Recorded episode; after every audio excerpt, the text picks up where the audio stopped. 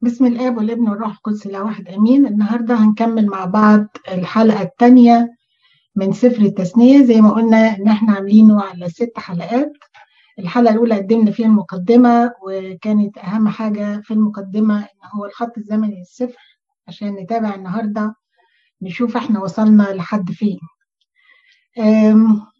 الخط الزمني بيبدأ من أول الخليقة وصلنا لحد موسى واقف على على حدود أرض الموعد. الرحلة من من مصر من سفر الخروج لحد أرض الموعد كانت رحلة 40 سنة. خرج الشعب من ذل العبودية مع موسى وخرجوا إلى البرية بمعجزات رائعة وبزراعة عالية ويد ممدودة لربنا. استعمل موسى استخدم موسى إنه يقودهم. وفي برية هذا العالم كان في تحديات وكان في حروب وكان في عصيان وكان في تأديب وكان في شريعة وكان في خيمة اجتماع وكان في المسكن والعبادة والعصيان. فالنهاردة هنشوف موسى وهو بيتكلم مع الشعب الجديد اللي هو الشباب اللي هو الجيل الأولاني انتهى أن ربنا رفضهم. وهو موسى بيتكلم مع جيل جديد فبيحاول يوريهم ويسترجع معاهم ذكريات ويحكي لهم التاريخ اللي فات عشان يتعلموا منه. دايما بيقولوا التاريخ يعيد نفسه لأن الناس مش بتتعلم. فإحنا النهارده عايزين إحنا كمان التاريخ ما يعيدش نفسه معانا. في احد القديسين قال قال لي قال أنا عمري ما أفتكر إن أنا سقطت في خطية مرتين. معناها إيه؟ معناها كل مرة بيقع في خطية بيتعلم منها. فكانوا القديسين بيتعلموا. لكن موسى واقف عشان هم ما يعملوش اللي اتعمل زمان وواقف بيكلمهم النهارده بيذكرهم بما حدث قبل كده عشان يتعلموا. آه لو فاكرين إحنا دول اللي هم الست أسابيع إحنا النهارده في الأسبوع الثاني عند النقطة دي. عند الأسبوع الثاني من أصحاح واحد لأصحاح أربعة. دي المقدمة اللي قدمناها المرة اللي فاتت وقلنا ليه التثنية وطبعا زي ما قالت جوزفين إن إحنا هنكمل فيما بعد ذلك. لو في حد عنده أسئلة ممكن يحطها في الشات بوكس أو في الفيسبوك وإرمين ممكن تشارك معايا وإحنا بنتكلم. تقسيم الصفر فاكرين التقسيمة إحنا قلنا في جزء تاريخي. وجزء تعليمي وجزء نبوي. الجزء التاريخي ده اللي هناخده النهارده الجزء التعليمي مقسمينه على ثلاث محاضرات والجزء النبوي محاضرة يبقى كده خلصنا الست محاضرات. العظة الأولى بيتكلم فيها موسى تذكر ولا تنسى. قبل ما أتكلم أقول موسى قال إيه تعالوا نشوف اهميه كلمة تذكر ولا تنسى دي إيه. آه زي ما هو قال لهم كده إحنا عايزين نقول لنفسنا تذكر ولا تنسى. تعالوا نجيب ورقة صغيرة كده أهو بعد الدرس إن شاء الله. نجيب ورقة كده صغيرة ونمسكها ونكتب فيها أعمال الله وإحسانات الله لينا. نرجع سنة نرجع سنتين. لو إحنا كبار شوية ممكن نرجع عشر سنين أكتر. ونبتدي نكتب الإحسانات بتاعت ربنا ونكتب رد فعلنا كان إيه. كل ما تملى الورقة بسرعة يبقى أنت ذهنك على طول مع ربنا وفاكر إن ده آه إحسان إحسان. كل ما تقعد تفكر وتطول شوية على ما تملى الورقة يبقى إحنا مش فاكرين كويس ربنا عمل معانا إيه. مش مهم الوقت أنت بعد ما يعني بعد ما تخلص الورقة مش مهم قوي الوقت أنت خدت فيها يعني تاخد فيها براحتك بس كل ما طولت تعرف يعني الوقت مش مش حكم عليك انت تحكم على نفسك تقول ده أنا كنت بنسى ربنا عمل معايا إيه. فيا ريت يعني بعد الدرس نكتب و... و... ونشوف إيه هي احسانات ربنا نجانا من خطية نجانا من مشكلة نجانا من شر. غفر لنا لما بنرجع له خطايانا دي إحنا مش يعني حتى لما بنعرف إن إحنا أخطأنا مش بنيجي تايبين وكل حاجة بس مش عايلين هم الهلاك لأن هو موجود وهو هيقبلنا. فدي حاجة من ضمن إحسانات الرب لينا إن إحنا لما بنخطئ بنرجع له وبنعرف إن هو سامحنا. إحساناته طبعا الإحسانات إحساناته مع أولادنا وإحساناته مع تربيتهم ومع إنهم كبروا. دي حاجات كتيرة عايزة تتكتب ونتفرج عليها ونبص عليها. عشان أول حاجة نتعلم منها زي ما هو تنذرنا وتقول لنا إحنا ما شكرناش أو إحنا رد فعلنا كان إيه للإحسانات دي ولتعاملات الرب معانا. وعلشان تعلمنا كمان إن إحنا نشكر ربنا. إحنا الحقيقة يعني ساعات بن بنعرف إن الإحسان ده يعني taken for granted. يعني إحنا ربنا كان هيعمل كده الحمد لله. لكن نتعلم الشكر حياة نعيش حياة الشكر من خلال قرايتنا للورقة اللي كتبناها. نبقى ممتنين ليه. تعلمنا برضو التواضع. يعني يعني نحس قد إيه ربنا بيدينا وإحنا برضو ما نستاهلش. يعني زي ما يعقوب قال إيه يعقوب قال إيه صغير أنا عن ألطافك وعن جميع الأعمال التي عملتها مع عبدك. حس بصغره من كتر ألطاف الله حس بالتواضع حس بالاتضاع أنا مين يا رب عشان أنت تعمل معايا ده كله. وتعيشنا في حياة شبع. إحنا لينا إله عظيم إحنا لينا إله ملك. هو بي هو واقف معانا هو رافعنا على الأكتاف زي ما قالت إرمين أو جوزفين حد منهم إن هو بيرفعنا على الأكتاف هو أبونا وبيرفعنا على الأكتاف. فيعني دي تذكر ولا تنسى ده ال application أنا قلته قبل ما نبتدي علشان وإحنا بنمشي هنلاقي نفسنا إزاي الطريقة اللي هنتذكر بيها. فنشوف بقى هنا هو بيذكرهم بإيه في الأصحاح واحد لاربعه بيفكرهم بأمانة الله معاهم في سفر العدد. ده يعني تقريبا تلخيص جزء كبير من سفر العدد من واحد ل 32 بيقول لهم من سيناء إلى قادش هيتكلم عنها هيتكلم عن موقفهم من الأموريين موقفهم من باشان وتقسيم الأرض. دي الحاجات اللي هنشوفها في الأربع أصحاحات دي والبركات القادمة. في أصحاح واحد عدد واحد بيقول لنا هذا هو الكلام الذي كلم به موسى جميع إسرائيل في عبر الأردن في البرية في العربة قبالة صوف بين فران وتوفل ولبان وحضيروت وذي ذهب حد عارف المكان ده فين؟ طبعا من غير ما نشوف خريطة ندور عليها مش هنقدر نعرف المكان ده فين. فهنشوف كده. دي خريطة برية سيناء اللي هي بتحدها من من الغرب خليج السويس ومن الشرق خليج العقبة. وهنا البرية. هنشوف الخريطة خرايط زي كده كتير وإحنا ماشيين عشان نعرف إحنا فين. يبقى ادي حض... ابتدينا بالعربة العربة ده الطريق اللي هو اسمه طريق العربة. ده منخفض طريق منخفض بيمتد من بحر الملح أو البحر الميت في الشمال وبينزل لحد حتى لغاية أفريقيا. هو منخفض ماشي في الأرض القشرة الأرضية بيقال بيقال إن ده شق في القشرة الأرضية. المهم ده اسمه طريق العربة اللي بيتكلم عليه. موسى قبالة سوف فين سوف؟ سوف اللي هي عند بحر السوف بحر السوف أو يم سوف الأحمر. يبقى هنا قبالة سوف بين فاران اللي هي برية فاران دي وتوفل توفل اللي هي دي ولبان وحضيروت وذي ذهب. إحنا لو ابتدينا نفسر الأسامي دي ومعانيها وبتعني إيه كجملة على بعضها ممكن ناخد 20 minutes تانيين. لكن أنا عايزة أكد لكم إن العلامة أوريجانوس وبعض الأباء قعدوا يفسروهم وجابوا منها جمل جميلة جدا. يعني مثلا العربة اللي هي المكان السهل المنخفض قالوا إن دي سهولة الوصية سوف يعني بحر اليم يعني ضرورة المعمودية وهكذا في كل كلمة من الكلمات دي لبان نقاوة القلب حضيروت راحة الله وهكذا. العدد اثنين 11 يوما من حريب على طريق جبل سعير إلى قادش برنيع إحنا عرفنا هم كانوا واقفين فين؟ المنطقة اللي إحنا شرحناها على الخريطة اللي فاتت. هي هي الخريطة اللي فاتت هي الجزء ده بس أنا زودت عليها هنا أضفت هنا أوريكم مصر وهنا أوريكم أرض الموعد شايفين الكرسر اللي أنا بحركه؟ طيب. يبقى إحنا هنا شايفين مصر برية سيناء أرض الموعد.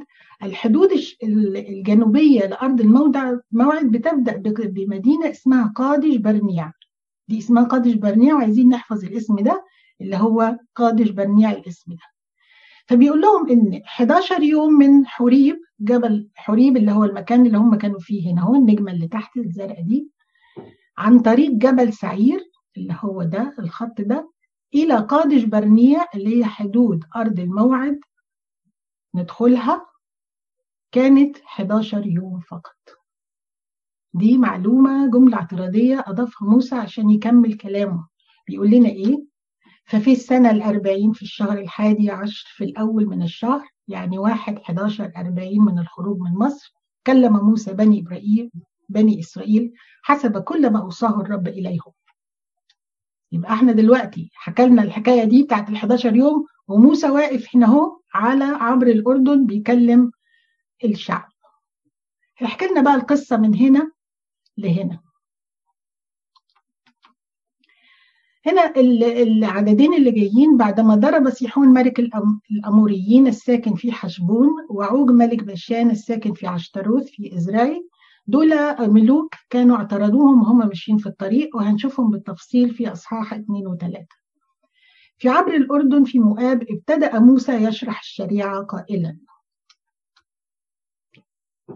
عدد ستة. الرب إلهنا كلمنا في حريب قائلا. إحنا حريب قلنا إن هي في سيناء. نو كفاكم قعودا في هذا الجبل. يعني بكفاية بقى قاعدة. حريب ده الكلام ده أول سنة أو تاني سنة من خروجهم من أرض مصر. بيقول لهم إيه؟ الرب إلهنا طبعا كلمة إلهنا دي يعني واحد بتاعنا إحنا. مش لأن كان في آلهة كتيرة في الوقت ده. فهم بيتكلموا عن الرب إلهنا دي حاجة نوع من الخصوصية ومن نوع بتاعنا إحنا وإحنا كمان بتوعه كلمنا في حريب كفاكم قعودا في هذا الجبل. لما وصلوا للنقطة دي في حريب كان عندهم إيه؟ كانوا طلعوا من عبودية مصر. آه وفر لهم بقوا أحرار يعني. وفر لهم ماء من الصخرة. اداهم المن والسلوى. يطلع بره الخيمة بتاعته يلاقي المن والسلوى محطوطين من الصبحية محطوط قدام الخيمة وبعد كده يلاقي على اللانش تايم يلاقي السلوى جات له يطلع ياكل ويشرب وينام. اداهم ربنا الوصايا وهم قعودا في هذا الجبل. فدي دعوة لينا كفاكم إيه؟ كسل وإهمال وتراخي. تحولوا وارتحلوا وادخلوا جبل الأموريين. اطلعوا لجبل الأموريين في الشمال كده هنا كده. وكل ما يليه من العربة والجبل تعالوا نشوف بقى بيقول لهم على إيه المناطق اللي بيشرحها لهم. هم كانوا قاعدين هنا في جبل سيناء. قال لهم تحولوا وارتحلوا. اطلعوا بقى للعربة اللي هي طبعا المنخفض اللي بتكلمنا عليه. والجبل والسهل والجنوب وساحل البحر وأرض كنعان وأرض الكنعاني ولبنان إلى النهر الكبير نهر الفرات. ربنا بيدعوهم يقوموا ويتحركوا وياخدوا المساحة دي كلها. تحولوا وارتحلوا وادخلوا. وبعدين قال لهم انظر قد جعلت أمامك الأرض. ادخلوا وتملكوا الأرض التي أقسم الرب لآبائكم إبراهيم وإسحاق ويعقوب أن يعطيها لهم ولنسلهم من بعدهم. أنتوا فاكرين أن ربنا إدى عهد لإبراهيم والعهد ده كان فيه ثلاث وعود. الوعد الأول كان وعد الأرض اللي هو حدده لهم دلوقتي كده. والوعد الثاني كان وعد النسل إن نسله يبقى مثل رمل البحر. وإحنا طبعا من ضمن النسل ده والوعد الثالث كان إيه؟ كان يتبارك في جميع قبائل يكون بركة وتتبارك في جميع قبائل الأرض اللي هو السيد المسيح لما يجي وتتبارك فيه جميع قبائل الأرض. فهو بيقول لهم أنا هوفي بوعدي بالأرض ليكم لأنكم أنتوا أبناء إبراهيم وآدي الأرض اللي أنا بقول لكم قوموا خدوها. يبقى هنا الدعوة بتاعتهم تحولوا وارتحلوا وادخلوا. ادخلوا وتملكوا. اصعد تملك لا تخف ولا ترتعب ده اللي هناخدها دلوقتي. قال له انظر تاني في عدد 21 لقد جعل الرب إلهك الأرض أمامك. يا ريت نكون فاتحين كتبنا ونخطط علشان لما نرجع تاني نبص فيها نفتكر. فإحنا في الصح الأول في عدد 21 انظر قد جعل الرب إلهك الأرض أمامك. اصعد تملك. كما كلمك الرب إلهك لا تخف ولا ترتعب في دعوة أحلى من كده؟ قال لهم كفاكم قعودا يلا هوبا اتحركوا وادي الأرض يلا تملكوا. عملوا إيه بقى هم؟ فتقدمتم إلي جميعا ده موسى اللي بيحكي. وقلتم دعنا نرسل رجالا قدامنا ليتجسسوا الأرض لنا. دي نفس القصة اللي إحنا بنعملها لما ربنا يقول لنا إلقوا كل همكم علي فهو فهو يعتني بكم. أو يقول لا تخف أيها القطيع الصغير. أو لما يقول كل الأشياء تعمل معا في الخير للخير. وبيقول ارموا خلاص هو ثقوا في كلامي. هم اداهم كلام واداهم تشجيع كتير لكن هم قالوا نتجسس الأرض وإحنا لما ربنا يدينا كل كل الوعود دي وإحنا نقول لا أنتم أنتم مش فاهمين حاجة من المشكلة. لا يعني نبقى عاملين المشكلة أكبر من ربنا وحاطين المشكلة بيننا وبين ربنا. مش رب مش المشكلة ورا ربنا. نحط ربنا قدام المشكلة. لا فهم عملوا كده زي ما إحنا ساعات كتير بنعمل. نبقى شايلين هم الحاجة وربنا هو بيقول لنا إيه ملقينا كل همكم عليه. تعالوا إلي جميع المتعبين. القوا همومكم القوها. لكن إحنا مش بنرضى نلقيها بنفضل شايلينها. عشان زي ما عملوا بني إسرائيل قالوا نرسل رجال تتجسس الأرض. بعد ما اداهم كل الوعود دي وقال لهم لا تخف ولا ترتعب لا إحنا نشوف نروح نشوفها. قال لهم روحوا. هتشوفوا إيه؟ قالوا هنشوف الأرض. يشوفوا لنا الأرض الجواسيس ويردوا إلينا خبرا عن الطريق إزاي نصعد وازاي ننزل وعن المدن. هل هي مدن مبنية؟ هل هم ساكنين في خيام؟ لو لو مبنية هي مدن محصنة ولا والناس دول شكلهم إيه نقدر عليهم ولا ما نقدرش عليهم؟ وراحوا قعدوا 40 يوم منهم آآ آآ كان معاهم هم كانوا 12 نفر من كل سبط نفر وكان من سبط يهوذا بيمثلوا يشوع بن نون وسبط إفرايم كان بيمثلوا كالب بن يفن وطلعوا ال 12 وراحوا قعدوا 40 يوم هناك ورجعوا وقدموا تقرير. التقرير اللي قدموه عن الأرض قالوا الأرض تفيض لبن وعسلا وجابوا الصورة الجميلة دي جابوا اللي هو عنقود العنب اللي كانوا شايلينه اتنين. طبعا ده كان من ضمن رموز الصليب القديم. آه التقرير الثاني عن المدن قالوا إن المدن محصنة وليها آه أبواب عالية وليها مزالي مزاليج وإحنا مش هنقدر على المدن دي. آه إحنا الناس اللي هناك ناس عمالقة وإحنا ما نقدرش عليهم وتذمروا وقالوا إن إحنا كنا كالجراد في أعينهم. كما كنا في أعيننا. يعني حسوا حتى بصغر النفس حسوا إن هم ولا حاجة. نسيوا إلههم. نسيوا إن هم مش يعني من أقل من سنة لسه ربنا مطلعهم من أرض مصر من ايد فرعون اللي هو صاحب أعظم جيش في العالم في الوقت ده. نسيوا إن هم ربنا كان بيعولهم في البرية لحد ما قال لهم قوموا وارتحلوا وادخلوا. نسيوا كل حاجة عملها ربنا وبصوا على نفسهم قدام شوية ناس أطول منهم وقالوا إحنا كنا كالجراد في أعيننا. كنا كالجراد في أعينهم كما كنا في أعيننا. وبعدين ربنا بيقول لنا كده أنا القول ده قريته وعجبني جدا. لو عايز تمشي على المية خلي عينك عليه. عايز تدوس على الصعب عايز تدوس على كل حاجة على كل obstacle يعني كل العوائق اللي قدامك خلي عينك عليه. تعالوا نشوف هنا إيه اللي حصل. في عدد 26 بيقول لهم إيه موسى؟ لكنكم لم تشاءوا ان تصعدوا وعصيتم قول الرب إلهكم. وتمرمرتم في خيامكم قعدتوا تبرطموا وتمرمروا في خيام وقلتم الرب بسبب بغضته لنا قد أخرجنا من أرض مصر ليدفعنا إلى أيدي الاموريين لكي يهلكنا. ده هم كلامهم عن ربنا اللي هم اللي هو قال لهم قوموا واطلعوا ولا تخافوا ولا ترتعب إلى أين نحن صاعدون قد أذاب إخوتنا قلوبنا قائلين اللي هم إخواتهم مين؟ العشرة اللي رجعوا. شعب أعظم وأطول منا مدن عظيمة محصنة إلى السماء. وأيضا قد رأينا بني عناق هناك. عناق دول هم الناس اللي أعناقهم طويلة ودول كانوا عمالقة يعني أطولهم من 10 ل 15 قدم يعني. فقلت لكم موسى بيفكرهم تاني. لا ترهبوا ولا تخافوا منهم. راح إيه الآية اللي قالتها إرمين أو أو جوزفين الرب إلهكم السائر أمامكم هو يحارب عنكم حسب كل ما فعل معكم في أرض مصر أمام عيونكم.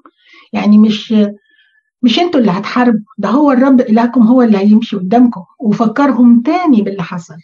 لكن هم قالوا إيه؟ قالوا لأ. في البرية حيث رأيت كيف يحملك الرب كما يحمل الإنسان ابنه. طبعا دي طبعا صفة. إحنا في كل أصحاح هنطلع صفات بس مش أنا اللي هطلعها لكم. وأنتوا بتقروا هتطلعوا صفات الله من كل أصحاح. في كل أصحاح في أكتر من صفة وهتستمتعوا بيهم جدا. وأنا هنديكم شوية هنتس يعني بس تكتبوها ويا ريت تبعتوها لنا مع المسابقة يعني. لو المسابقة فيه مكان إنكم أنتوا آه تقدروا تقدروا تضيفوهم يعني.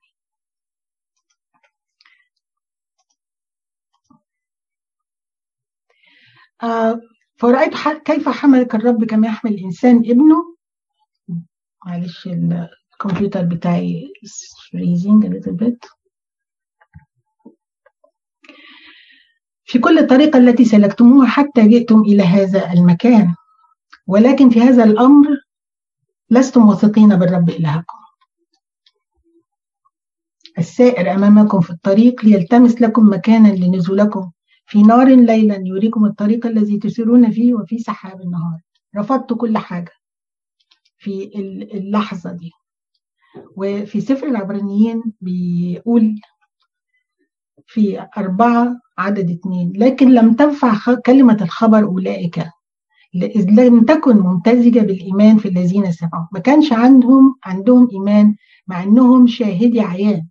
يعني لما لما الرب يسوع يقول طوبى الذين آمنوا ولم يروا دي كلمة يعني حلوة جدا وجميلة في حقنا إحنا لأن هم شافوا شافوا كانوا شايفين بالعيان آه، إحسانات الرب ليهم وإزاي ربنا سار أمامهم ولكن ما كانوش مؤمنين كانوا خايفين إن هم يدخلوا أرض الموعد. وسمع الرب صوت كلمتكم كلامكم فسخط وأقسم قائلا لا يرى لن يرى إنسان من هؤلاء الناس من هذا الجيل الشرير الأرض, جيدة التي أقسمت أن أعطيها لآبائكم. ربنا شفنا أبوته وشفنا أمانته وشفنا آه، مساعدته وسنده سبورت بتاعه لشعبه وهنا بنشوف عدل الله. أنا مش هتعامل مع ناس ما عندهاش إيمان لأن بدون إيمان لا يمكن إرضاء. قال أنا مش هتعامل معاكم أنتوا غير مستعدين للدخول للأرض. ده الأرض فيها ناس آلهة شريرة وناس أشرار أنتوا مش مش مستعدين إنكم تدخلوا الأرض دي خالص. فهذا الجيل الشرير محدش فيكم هيدخل الأرض. ما عدا كالب طبعا لأنه قال له كل حتة دست فيها بطن رجلك هتاخدها. وعد غضب أيضا على موسى بسببهم فبيقول وعلي أيضا غضب الرب بسببكم وقال أنت لا تدخل إلى هناك ويشوع ابن نون قال له يدخل الأرض لأن هو اللي هيقسم لكم الأرض نيجي الاصح الثاني الجزء الأولاني في الاصح الثاني بيحكي لنا في البرية إيه اللي حصل ومن 26 37 بيحكي لنا بالتفصيل هزيمة الملك سيحون. إيه اللي حصل في البرية وهم ماشيين؟ هم خلاص ربنا قال لهم كفاء هيطلعوا نشوف أول حاجة علاقة إسرائيل بأدوم.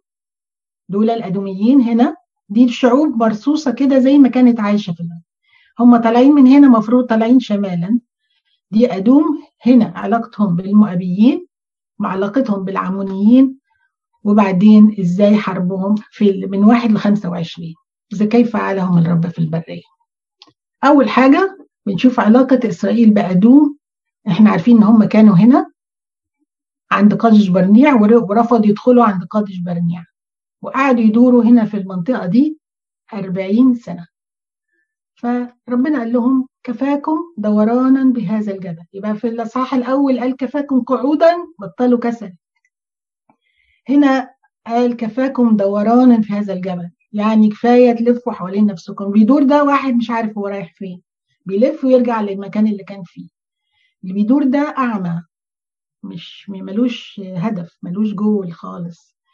فالخطية اللي هم قاموا بيها ضد ربنا ولم يثقوا فيه خلتهم يدوروا في هذا الجبل. فقال لهم كفاكم دورانا في هذا الجبل تحولوا نحو الشمال وأوصي الشعب قائلا. بيكلم ربنا بيكلم موسى. أنتم مرون بتخم أخواتكم بني عيسو الساكنين في سعير فيخافون منكم فاحترزوا جدا.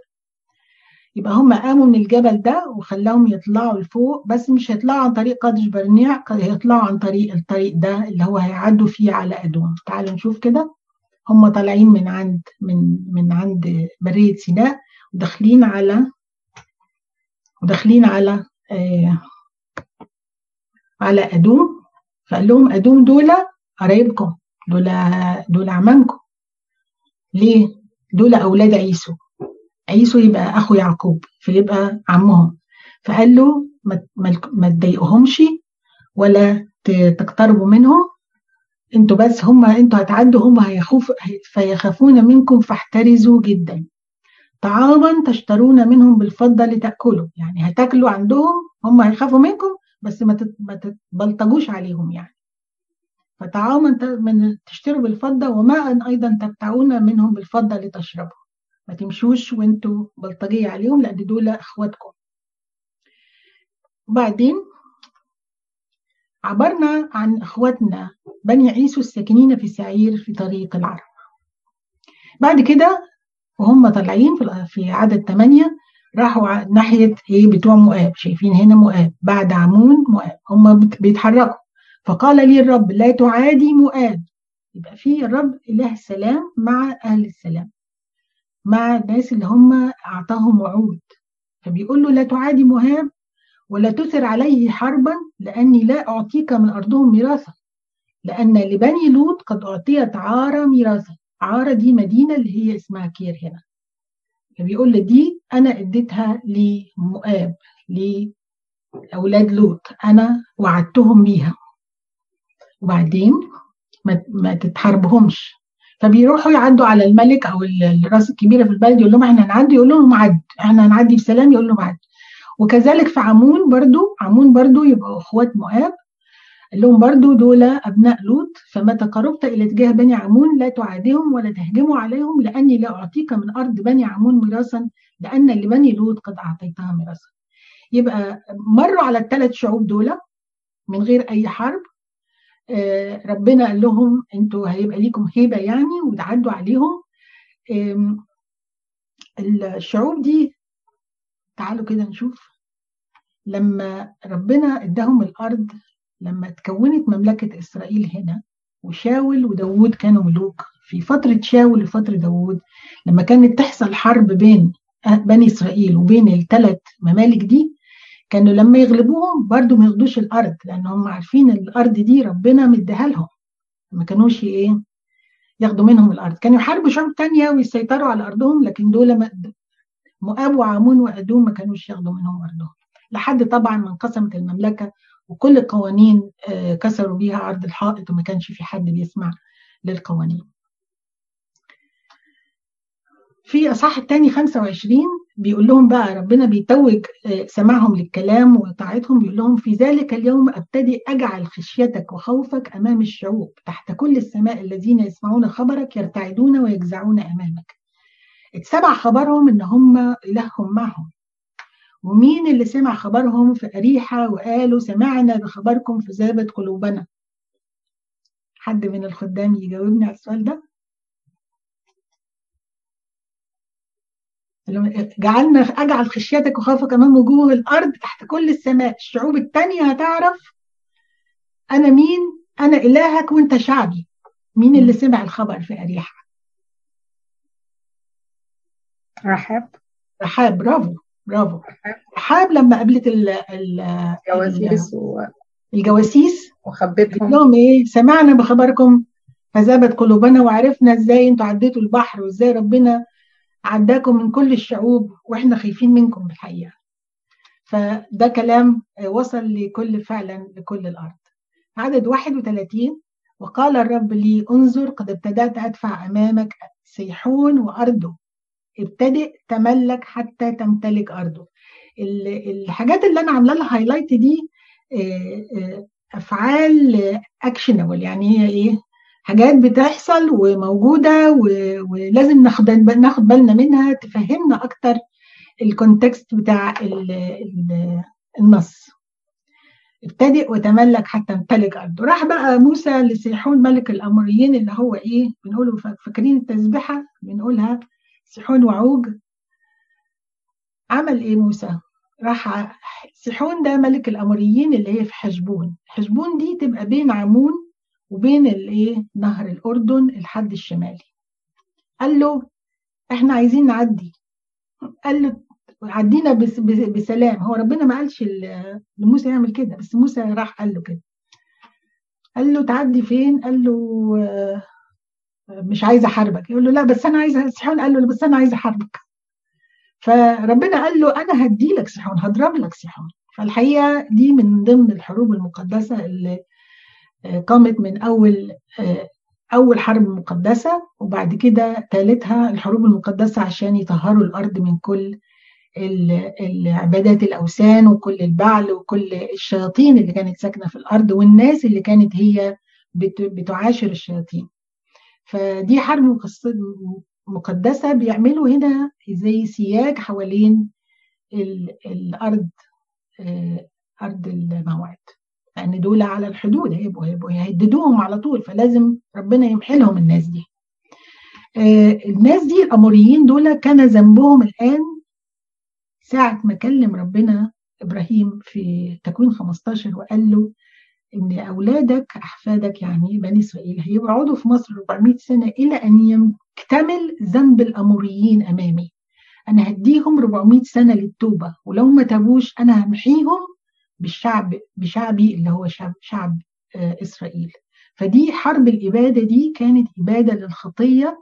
ده كان قصاص الله واستخدم شعبه في هذه الحرب المقدسة. الله ما استخدمش شعبه في الحرب المقدسة إلا لما كان هو الملك على الشعب لما كان هو الملك على الشعب. لكن بعد كده حروب داوود وكل الحروب اللي دخلوا بيها بعد كده لم تكن حروب مقدسة.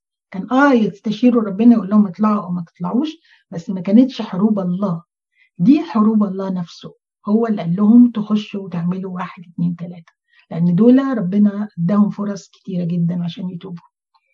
وعندما رفضوا التوبة جاء القصاص أخيرا ولو لم يقتلهم لأفسدوا العبادة. ليه بقى؟ لأن لما لو كانوا قاعدين مش هيقدروا شعب الله يعبدوا لأن هم بيتدخلوا في عبادتهم ويغروهم. وحصل فعلا بعد ما أبدوهم في المناطق دي تسللوا إليهم ودخلت عبادة الأوثان تاني في شعب اليهود وابتدوا يعبدوا البعل مع عبادة الله. وتلاقي في البيوت تلاقي ما هيكل للبعل مع عبادة الله. وده كانت بداية النهاية بالنسبة لهم. عشان كده ربنا بيقول لهم تمحوا الشعوب دي من الأرض تماما. فانتصروا على سيحون ملك الأموريين وفي أصحاح ثلاثة بقى بيكلمنا عن هزيمة عوج ملك باشان باشان دي اللي هي الأرض اللي فوق شايفين المساحة دي كلها اسمها باشان شايفين كلمة باشان اهي. المساحة دي كبيرة الأرض دي كبيرة آه فعلا ليها مدن زي ما قالوا زمان آه مدن محصنة. آه فعلا ليها أبواب ومزاليج جيشها قوي عوج ده كان من العمالقة. كان مكتوب عن السرير الحديد بتاعه كان طوله 12 ذراع وده طبعا كتير قوي إن هو يكون طول إنسان عادي. فكانوا ناس عمالقة وكانوا ناس أقوياء وكان جيشهم قوي. وبعد كده في هنشوف بقية الأصحاح. يبقى هنا عوج ملك بشان من 1 ل 11 وتقسموا الأرض واتكلم عن حرمان موسى من دخول الأرض. تعالوا نشوف قصة عوج ملك بشان. فقال لي الرب لا تخف منهم. يعني سمعته تخوف قال له لا تخف منهم لأني دفعته إلى يدك وجميع قومه وأرضه. فتفعل به كما فعلت بسيحون ملك الاموريين الذي كان ساكن في حشبون فدفع الرب إلهنا إلى أيدينا. عوج أيضا ملك باشان وجميع قومه. فضربناه حتى لم يبقى له شيء يعني حتى الهاربين هو قال له ما تخليش منه حد. الهاربين الشارد يعني واحد هارب فحتى الهارب أنا قضيت عليه. ده موسى بيحكي طبعا. في الأصحاح الثالث برضو لما فضيت الحتة بتاعت بتاعت سيحون الأرض بتاعت سيحون والأرض بتاعت باشان فالأراضي دي حلوة والأراضي دي طبعا زي ما إحنا عارفين بتفيض لبن وعسل. فالمدينه مدن مدن باشان دي كانت 60 مدينة كانوا محصنين فعجبوا جدا بعض الأسباط فقالوا إحنا عايزين ناخدها. وأرض حشبون كانت أرض مراعي فبرضه بعض الأسباط إيه قالوا عايزين ناخدها. فراؤوبين وجاد ونصف سبط منسى قالوا إحنا عايزين نقعد في الحتة دي. دول مع مش عايزين مش هيعبروا. وكده هم ما دخلوش أرض كنعان. هم كده مش هيعبروا. لو خدوا الأرض دي هيقعدوا فيها. تعالوا نشوف قال لهم إيه. دي هي المناطق هنا نهر الأردن وده شرق الأردن. إحنا عارفين أرض الموعد هي غرب الأردن. يبقى هم في شرق الأردن دي أرض بشان وأرض إيه؟ سيحون اللي هي من منطقة اسمها حجبون راح نصف سبت منسى وجاد وراؤوبين قالوا إحنا هناخد الأراضي دي عجبانا. موسى وافق على الموضوع ده. ربنا طبعا وافق وموسى وافق. لكن ده مش توزيع ربنا ده هم اللي اختاروا. دول الوحيدين اللي اختاروا لنفسهم. بس موسى قال لهم متجردين تعبرون أمام إخواتكم. آه تنزلوا أولادكم ونسائكم ومتاعكم هنا بس وأنتم بتعبروا تسافروا مع أخواتكم علشان هم كمان إيه ياخدوا أراضيهم في الضفة الغربية اللي هي بقية أرض الموعد. يبقى هم اختاروا إن هم يقفوا على الأبواب بره الأرض بره الموعد. موسى كان واقف هنا بيترجى ربنا انه يدخل وربنا يقول له لأ. ودول موعودين. مدعوين للدخول وقالوا مش عايزين ندخل. شوفوا الفرق. يعني إحنا بنبقى موجودين جوه الكنيسة ومتضررين أو مش عايزين نكون. وفي ناس من بره الكنيسة عايزين يدخلوا ومش قادرين يدخلوا. فدي دعوة كانت ليهم وهم ما خدوهاش. دي تأمل من التأملات. في تأمل تاني جميل جدا بيقول إن منسى نصف سبت منسى وجاد وراؤوبين دول نالوا ميراثهم بدري. فبيسموهم الكنيسة المنتصرة اللي هم القديسين اللي سبقونا للسماء. وإحنا الكنيسة المجاهدة اللي إحنا لسه ما دخلناش الملكوت وقاعدين في الأرض وبنحارب علشان ناخد نصيبنا هنا في الملكوت. فبيقول لك إن الكنيسة المنتصره بتساعد الكنيسة المجاهدة علشان تاخد مكانها. فده برضو تأمل جميل من ضمن التاملات عن إن راؤوبين وجاد ونصف ست منسى آه يبقى كده في جزء من الأرض اتوزع. بعد كده رب موسى بيتكلم إن ربنا حرمه من الدخول وبيحكي بيقول أنا تضرعت لربنا كذا مرة إنه يدخلني الأرض لكن آه ربنا مرضيش وشوفوا الصلاة بتاعته بيقول إيه. يا سيد الرب أنت قد ابتدأت تري عبدك عظمتك ويدك الشديدة. دايما موسى لما يكلم ربنا عارف قيمة ربنا لأن واحد شاف مجد الله. فبيتكلم دايما عن عظمة الله ومجد الله وهو يا, يا إله السماء والرب إلهنا معنا يشددنا عارفه بيتكلم عن واحد عارفه وبيديله كل الجلال والمجد. فشوفوا فإنه أي إله في السماء وعلى الأرض يعمل كأعمالك وكجبروتك. دعني أعبر وأرى الأرض الجيدة التي في عبر الأردن هذا هذا الجبل الجيد ولبنان. ربنا قال له إيه؟ لكن الرب غضب علي بسببكم ولم يسمع لي بل قال لي الرب كفاك. بس خلاص كفاية كده. لا تعد تكلمني في هذا الأمر. اصعد إلى رأس الفسجة وارفع عينيك. الفسجة اللي هي القمة بتاع جبل نبو جبل نبو اللي هو مات عليه موسى. قال له اصعد إلى رأس الفسجة وارفع عينيك إلى الغرب والشمال والجنوب والشرق وانظر بعينيك لكن لا تعبر الأردن. هنا بيقول لنا إن حتى الخدام اللي في الكنيسة بيخطئوا. وموسى أكبر واحد أخطأ وخد جزاء كمان على خطأ يعني إحنا عندنا دم المسيح بنروح ونقول له يا رب سامحنا واغفر لنا وبيرجعنا أبيض زي الأول. لكن يعني رفقا بالخدام الخدام كلها بتخطئ والكنيسة اللي فيها خدام خاطئين مش كنيسة وحشة. ونبص بس للموظف الخادم اللي هو ربنا. الخادم كل كل الخدام بتخطئ وكل الخدام بتبقى عندها غلطات وغلطات معروفة ومتشافة قدام الناس. لكن ربنا هو اللي بيرحم وربنا هو اللي بيسامح. وربنا هو اللي بيعاقب برضه. هو عاقب موسى وقال له أنت مش هتدخل. بس برحمة ربنا إن هو دخله فاكرين على جبل التجلي ربنا دخل موسى تاني أرض الموعد ووقف معاه على الجبل. آه فبيقولوا أما يشوع فوصيه وشدده وشجعه لأنه يعبر أمامك هذا الشعب وهو يقسم لهم الأرض التي تراها. دكتورة سوزان معلش أنا هقطعك وهطلب منك إنك تفكري الناس اللي بيتابعونا دلوقتي إيه هو السبب اللي علشانه موسى تعاقب بإنه ما يدخلش أرض الموعد. هو موسى حاضر دقيقة واحدة موسى آه كان آه كان ربنا اداله وصية وقال له أنت هتروح تضرب الصخرة علشان تطلع مية تكلم الصخرة عشان تطلع مية. وكان الشعب كالعادة متمرمر ومتذمر. فكان موسى غضبان جدا من الشعب فمن كتر غضبه لم يعطي المجد لله وضرب الصخرة مرتين. طبعا في ناس بتقول عشان ضرب الصخرة مرتين لا هي عشان لم يعطي المجد لله لأن دي تعتبر عصيان لأمام الله إن هو لما سمعش كلام الله بالظبط وما عملش كل اللي قاله ربنا. فربنا قال له أنت عشان عملت ما لم تعطي المجد ولم تطع الوصية كما قلت لك أنت مش هتدخل الأرض. فموسى محروم من دخول الأرض لكن في المسيح دخل موسى الأرض. زي إحنا إحنا محرومين من دخول الملكوت إلا بدم المسيح هندخل الملكوت.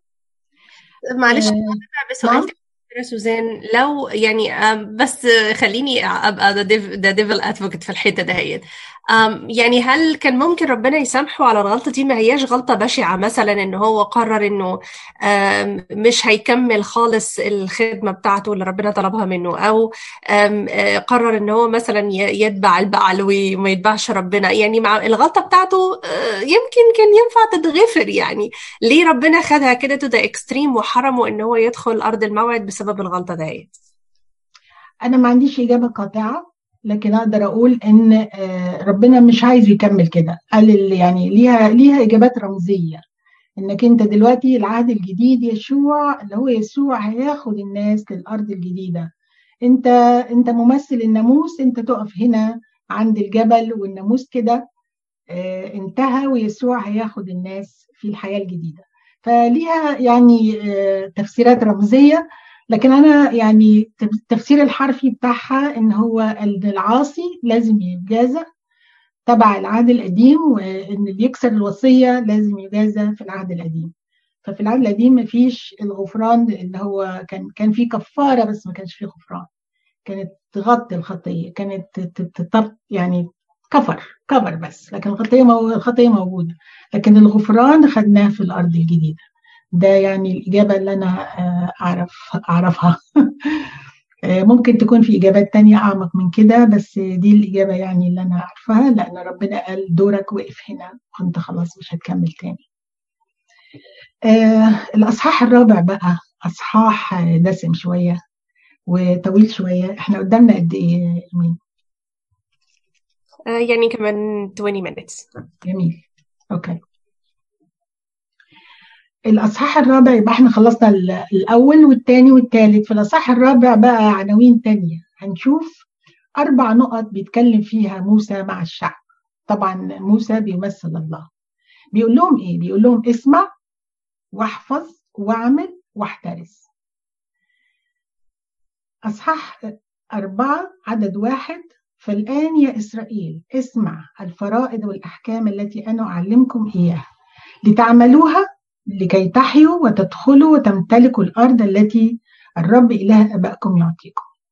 ابتدى بقى هيقدم للشريعة وبيقدم للكلام اللي ربنا اداهولهم علشان يحيوا بيه.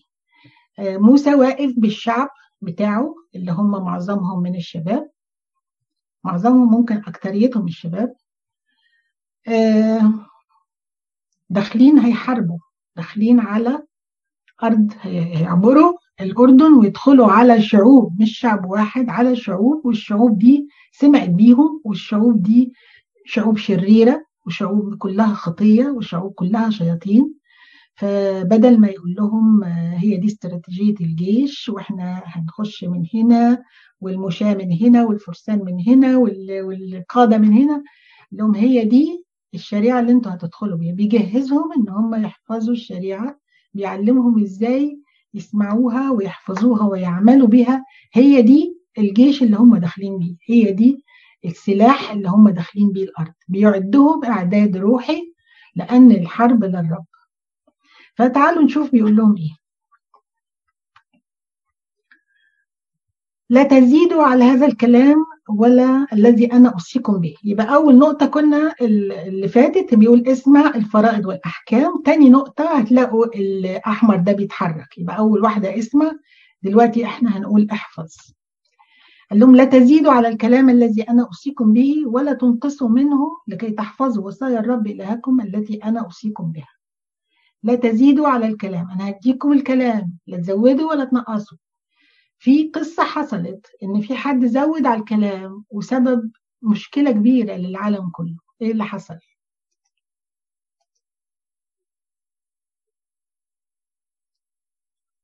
حد غير في كلام ربنا ودخل على حد و... و... و... وضر العالم كله. وضر العالم كله. طيب. إبليس لما دخل على حواء وقال لها إيه؟ حقا قال الله لا تأكلوا من جميع شجر الجنة؟ هو ربنا قال كده؟ ربنا ما قالش كده. ربنا قال ما تاكلوش من شجرة واحدة. وده نوع من ال ال ال ال الاختبار اختبار بسيط.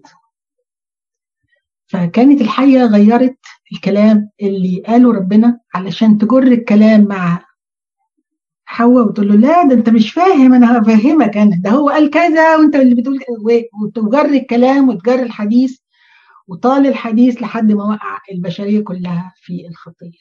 في ناس تانية زودت كتير على كلام الله وسمت الكلام اللي زودته ده اسمه التقليد. اليهود قدموا حاجة اسمها التقليد. قالوا التقليد ده كلام ربنا مع إن ما ما فيش أي حاجة تثبت إن التقليد ده كلام ربنا قالوا إن ده هو التقليد الشفاهي والسيد المسيح كان وهو موجود معاهم على الأرض كان بيحارب هذا التقليد بكل شدة. في إنجيل مرقس اصحاح سبعة لما راحوا له وقالوا له تلاميذك مش بي مش بيغسلوا إيديهم قبل الأكل قاعدين بياكلوا من غير تطهير. رد عليهم المسيح وقال لهم أنتوا بت... بتقبلوا الولد لما يجي يقول لأمه وأبوه قربان تاخدوا منه القربان وتكافئوه لكن ما بتقولولوش روح اكرم أباك وأمك. فقال لهم إيه؟ مبطلين كلام الله بتقليدكم. كلمة مبطلين في الإنجليزي voiding void يعني بتلغوه. مبطلين كلام الله بتقليدكم خليتوا التقليد فوق الوصية فوق كل شيء. فده اسمه زيادة تزويد على كلام الله. بتقليدكم الذي سلمتوه وأمور كثيرة مثل هذه تفعلون. وبرده ده كانت في كونفرونتيشن تانية بينه وبين الشيوخ في المجمع عشان السبت عشان شافها إنسانا في السبت وهكذا. فربنا يسوع كان ضد هذا التقليد تماما وكان بيشرحه لهم يقول لهم تحملون الناس احمالا ثقيلة. فده ناس بتزيد. يبقى تحفظ تحفظ كلمة الله. يبقى تسمع اللي هو اللي أنا بقول بيه دلوقتي بسمعكم. أنتوا بتسمعوا. لكن الثلاثة الباقيين دي كله عليكم أنتوا. يبقى اسمع وتحفظ ما تغيرش في كلام ربنا. وفي كورنثوس كمان بولس الرسول بيقول فهذا أيها الإخوة حولته تشبيها إلى نفسي ولأبولس. يعني أنا وأبولس عملنا نفسنا مثال ليكم لكي تتعلموا فينا. أن لا تفكروا فوق ما هو مكتوب. دي في كورنثوس الأولى 4 6 حتى لا ينتفخ أحد لأجل الواحد على الآخر. عشان ما فيش واحد يقول أنا عارف أكتر منك. لا هو المكتوب بس هو اللي نعرفه. لا تزود ولا نقص. يبقى هنا إيه؟ لا تزيدوا على الكلام الذي أوصيكم به. ثالث حاجة بيقول لهم واعمل. يبقى اسمع يبقى تسمع الفرائض والأحكام. احفظ احفظها من الالتريشن من التبديل ولا تزود ولا تنقص واعمل هنشوف هنخليه يعمل إزاي. بيأمر بطاعة الرب هنا. بيقول لهم انظر لقد علمتكم فرائض وأحكام كما أمرني الرب إلهي لكي تعملوا في الأرض التي أنتم داخلون إليها لكي تمتلكوها. فاحفظوا واعملوا لأن ذلك حكمتكم وفطنتكم أمام أعين الشعوب الذين يسمعون كل الفرائض فيقولون أن هذا الشعب عظيم وهو شعب حكيم وفطن. يبقى لما أتعلم الفرائض وأعملها أنا مش هكون أحمق زي ما يقال. لأن فرائض الله بتديني حكمة وبتديني فطنة. فأنا أقدر أتصرف في كل التصرفات في أي وقت. فلما تشوف واحد بيتصرف بحماقة ما عندوش حكمة الله ما عندوش مش عارف فرائض الله وأحكامه. طبعا الحكم مش لينا الحكم لربنا لكن هو ده بيخليني أنا وأنتم يبقى عندنا حكمة وفطنة. وفي الآخر خالص قال لهم احترزوا. احترزوا من إيه؟ قال لهم احترزوا من حاجتين. في أصحاح أربعة عدد تسعة. قال إنما احترز واحفظ نفسك جدا لئلا تنسى. الأمور التي أبصرت عيناك ولئلا تزول من قلبك كل أيام حياتك. وعلمها أولادك وأولاد أولادك. دي اللي كانت بتقولها إرمين اي ثينك جوزفين اللي قالتها. احترز واحفظ نفسك جدا لأجل لئلا تنسى. ال الورقة اللي هنكتبها في زي ما قلنا في الأول. ونشوف إحسانات الله وتعاملات الله. في حاجات منها كتير ممكن نشاركها مع أولادنا. ونبين لهم إن ربنا بيتعامل معانا بطريق مباشر. مش بس هو ربنا فوق الكل ده ربي أنا ورب رب كل واحد فيكم. نعلمها لأولادنا. أنا لما أقعد مع ابني وأفكره فاكر لما كانت حصلت مشكلة فلانية وصلينا وربنا شالها؟ ثبت الإيمان فيهم وتعلمهم إن في علاقة قوية بيننا وبين ربنا وأولادك وأحفادك. يعني دي حاجة حلوة ونفكر ولادنا دايما بتعاملات الله معانا وده وصية من عند ربنا. احفظ نفسك جدا لئلا تنسى الأمور التي أبصرت عيناك الحاجات اللي إحنا اختبرناها ولئلا تزول من قلبك كل أيام حياتك. علمها لأولادك وأولاد أولادك. في اليوم الذي وقفت فيه أمام الرب في حريب حين قال لي الرب اجمع لي الشعب فاسمعهم كلامي لكي يتعلموا أن يخافوني كل الأيام الذي هم أحياء فيه إلى الأرض ويعلموه أولادهم.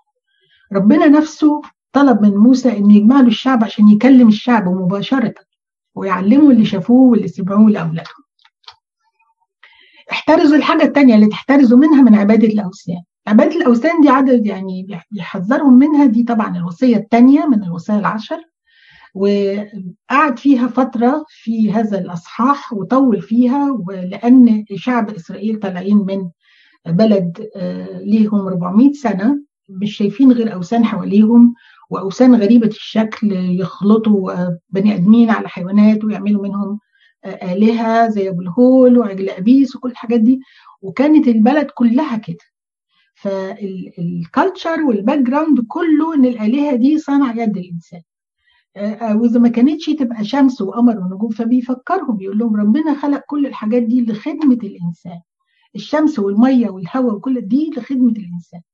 فاحفظوا أنفسكم من عبادة الأوثان علشان دي هي دي مشكلة وهتشوفوها تاني في الأرض اللي أنتوا داخلين عليها. فعمال يشرح لهم إيه هي أشكال العبادات الوثنية وأشكال الأوثان. فبيقول لهم احتفظوا لئلا تفسدوا يبقى حذرهم من إن هم ينسوا العهد ويحذرهم إن هم من عبادة الأوثان. هنيجي نقف هنا عند احترزوا من أن تنسوا عهد الرب إلهكم الذي قطعوا معكم وتصنعوا لأنفسكم تمثالا منحوتا صورة كل ما نهاك عنه الرب إلهك لأن الرب إلهك هو نار آكلة. إله غيور دي من صفات الله. يعني إيه نار آكلة؟ الله قدوس ولا يدنو منه شر خالص. الله لا يتعامل مع الخطاة هو يفدي الخطاة لكن ما يقبلش صلاتهم إلا لو قالوا إيه ارحمنا يا رب. يعني عشان كده دايما صلاة صلاتنا في الأجبية بتبدأ بالشكر وبعدين الرحمة توبة ربنا التوبة دي مفتاح الكلام مع ربنا. التوبة دي مهما عرفنا الوصايا كلها وحفظناها كلها ومن غير توبة ولا حاجة. سر العلاقة بيننا وبين الله توبة مستمرة. لأن إحنا عايشين في عالم ساقط وكل يوم بنخطئ وكل لحظة بنخطئ. مخنا على طول شغال. حتى لو ما طلعناش من باب الأوضة مخنا بيشتغل. من إدانة وأنا وكبرياء كل الحاجات دي موجودة فينا. فحياة التوبة المستمرة هي دي اللي بتخلينا نقترب من الله لأن إلهنا هو نار أكلة. وهو إله غيور مش بيغير مش بيغير على نفسه. هو بيغير إن هو العبادة. لو أنا عبدت شيء أقل من الله وأي حاجة في العالم هتبقى أقل من الله هو بيستحرم بيستخسر عبادتي أنا ويقول انت الحاجات دي أنت ما تستاهلش أنت أنت تعبدها. أي شيء في العالم قد خلق من أجلك. لماذا تعبد ما خلق من أجلك؟ أنا هو اللي خلقته. فدي إله غيور مش غيران إن في حد أحسن منه. لا هو غيران عليك أنت علشان أنت تيجي معاه. مش عشان أنت اللي أنت رحت له أحسن منه لا. لأنك أنت تيجي معاه لأنك إحنا أولاده. فهي الله نار أكلة وإله غيور. يبقى كده استفدنا صفات كتير لحد دلوقتي.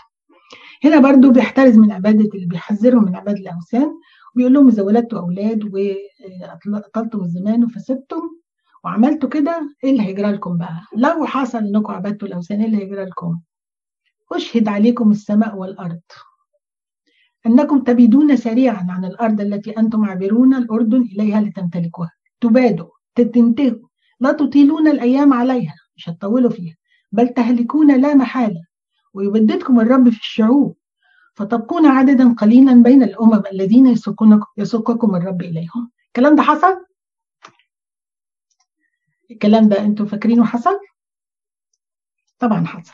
حصل. سبي سبي بابل والتحذيرات اللي عملها أرميا وحاجات كتير. سبي بابل وسبي أشور. و... وبعد المسيح حصل إيه؟ خراب أورشليم.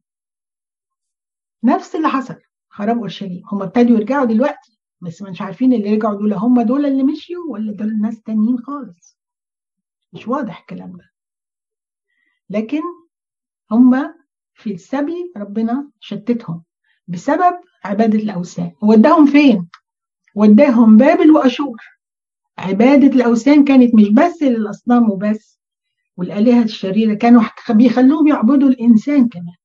فكانوا بيعبدوا الإنسان فراحوا لما راحوا السبي وشافوا كل العبادات وتعرضوا لكل شيء لما رجعوا ما كانتش عبادة الأوثان الأوثان دي مشكلة في حياتهم أبدا. من ساعة ما رجعوا لحد ما جه المسيح ما كانتش ما, ما, ما بقيتش عبادة الأوثان هي مشكلتهم. بقت الرياء الديني هو كان مشكلتهم في أيام المسيح. والرياء غير الرياء الديني إن هم الخوف على سلطتهم وده اللي خلاهم صلبوا المسيح. لكن كانتش عبادة الأوثان. رجعوا يهود ومتمسكين لكن كان عندهم رياء ديني. وكان دايما المسيح يقول لهم يا مرائين يا مرائين طيب تعالوا بقى نشوف لما في الأصحاح اللي فات في, في الأعداد اللي فاتت قال لنا إيه؟ قلنا ده كل الانتقام كل الانتقام. هتبقوا عدد قليل ويسوقوكم يسوقوكم يعني يسوقكم زي زي الحيوانات بتتساق. لكن هنا تعالوا بقى نشوف الحنان بتاع ربنا ونشوف إزاي هو هيتعامل مع اللي راجع له. بصوا بقى. ثم ان طلبت من هناك الرب وانت في الأسر وانت في السبي. تجده إذا التمسته بكل قلبك وبكل نفسك. أنا إله رحيم وحنون. وهقبلك تاني مهما عملت. وهرجع ولو رجعت هرجعك.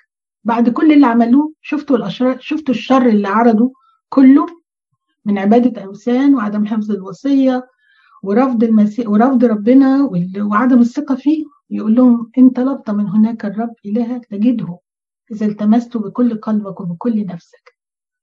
عندما ضيق عليك وأصابتك كل هذه الأمور في آخر الأيام ترجع إلى الرب وتسمع لقوله تعالى وأنا بابي مفتوح وقلبي مفتوح ليك لأن الرب إلهك رحيم إله رحيم. لا يتركك ولا يهلكك ولا ينسى عهد أبائك الذي أقسم لهم عليه. بعد ما سمعنا كل ال شفنا العدل وشفنا ال ال الوصايا وشفنا الصرامة بينه وبينهم وهنا دلوقتي بيقول لأن الرب إلهك إله رحيم.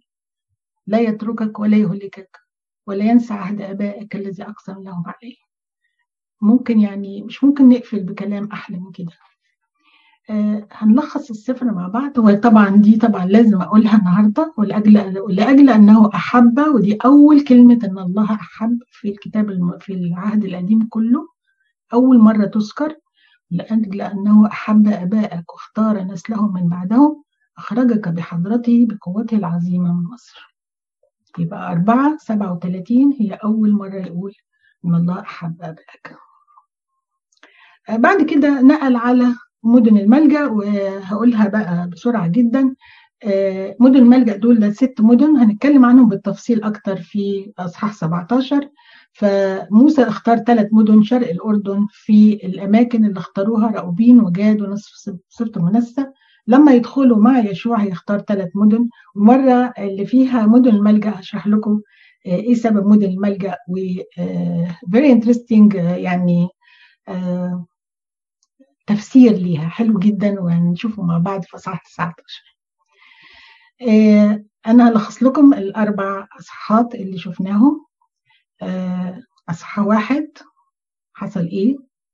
لهم كفاكم قعود في في هذا الجبل. تحولوا وارتحلوا ادخلوا.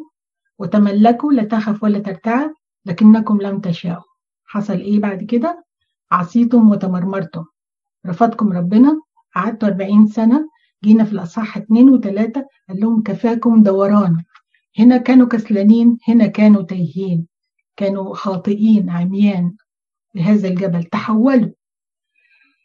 أبتدي أجعل خشيتك. ولما تحولوا وانتصروا في في الطريق بتاعهم على سيحون وعوج أبتدي قال لهم أبتدي أجعل خشيتك وخوفك أمام وجوه الشعوب. أبتدي. فقال له فقال له ابتدي تملك حتى تمتلك. في أصحاح أربعة قال له اسمع واحفظ واعمل واحترس.